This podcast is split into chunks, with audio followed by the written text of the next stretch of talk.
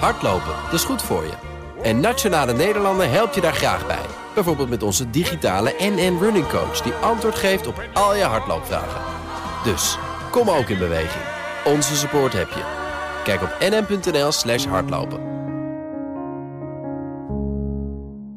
Iedere woensdag spreek ik Marcel Beerthuizen van sponsoring adviesbureau Big Plans over de ontwikkeling op het terrein van sport en economie. En dan stappen we over naar een bekend fenomeen in tijden van crisis. Partijen die gebruik maken van de kopersmarkt. Die is ontstaan als gevolg van dat coronacrisis. Maar voordat we het daarover gaan hebben, toch nog eventjes naar het onderwerp van vorige week: sportbeleving en lege stadions. Marcel, goedemiddag. Hoi, goedemiddag Thomas.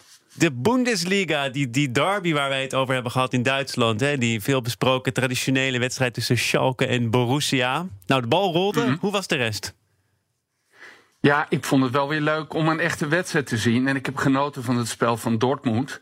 Uh, maar het was wel in een leeg stadion. We moesten er wel erg aan wennen. Uh, er was weinig geluid omheen, er was weinig beleving omheen.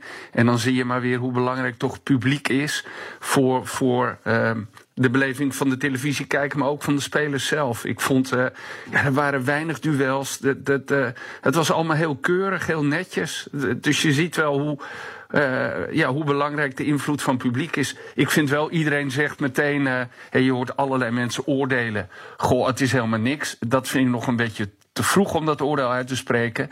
En er zullen ongetwijfeld ook nog wel wat mensen komen die met ideeën komen. Of, of het nou is om kinderen op de tribunes te plaatsen of dingen met geluid te doen. Het is nog te vroeg, we moeten nog kansen geven, denk ik. Dit er moet er een hoop bij worden, begrijp ik, voordat het volgende seizoen aanbreekt. Ja, ja zeker. Dat, dat is gewoon belangrijk om, uh, om, om, om nieuwe, nieuwe concepten te ontwikkelen en te kijken wat hier ook kan gebeuren. We, we moeten er gewoon aan wennen. Dan naar wat er zeker kan gebeuren. Namelijk, mocht je ooit ambities hebben in de sport en er toch niet al te veel geld aan willen uitgeven, doe het nu. Want alles is goedkoper geworden. Dat zie je natuurlijk ook bij investeerders die in die sport willen stappen. Uh, in ieder geval, dat zag je in vorige periodes van crisis. Zie je het nu weer? Ja, zeker. Ja, en het zijn de grote namen hoor die je tegenkomt. Silver Lake, KKR, Blackstone, CVC Capital. Allemaal mensen die, uh, en, en grote investeringsmaatschappijen die al investeerden in sport. Maar nu ook de mogelijkheden zien om voor een lagere prijs in te stappen. Er is een Amerikaanse investeerder, die heet Joseph de Groza. En die zegt gewoon, ja, nu, hè, wat, wat vroeger 100% van de prijs was, kun je nu kopen voor 50 en 70% voetbal, sport is, uh, is een interessant uh, verdienmodel. Dus ik wil daar gewoon nu instappen. Ja. En dat zie je in het voetbal, maar ook bijvoorbeeld in het rugby.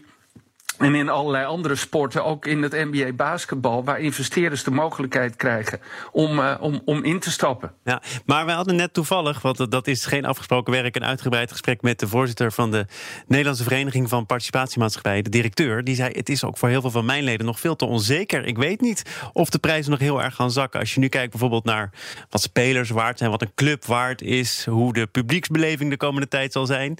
Is dit dan al het moment om, om toe te slaan?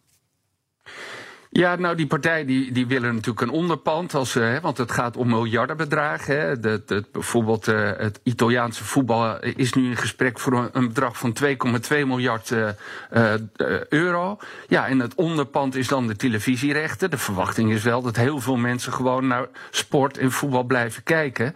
En dat uiteindelijk op termijn er ook weer mensen op de tribune zitten. En we gewoon weer ons normale leven kunnen oppakken. Dus ja, dat is natuurlijk een risico dat alle investeerders nemen.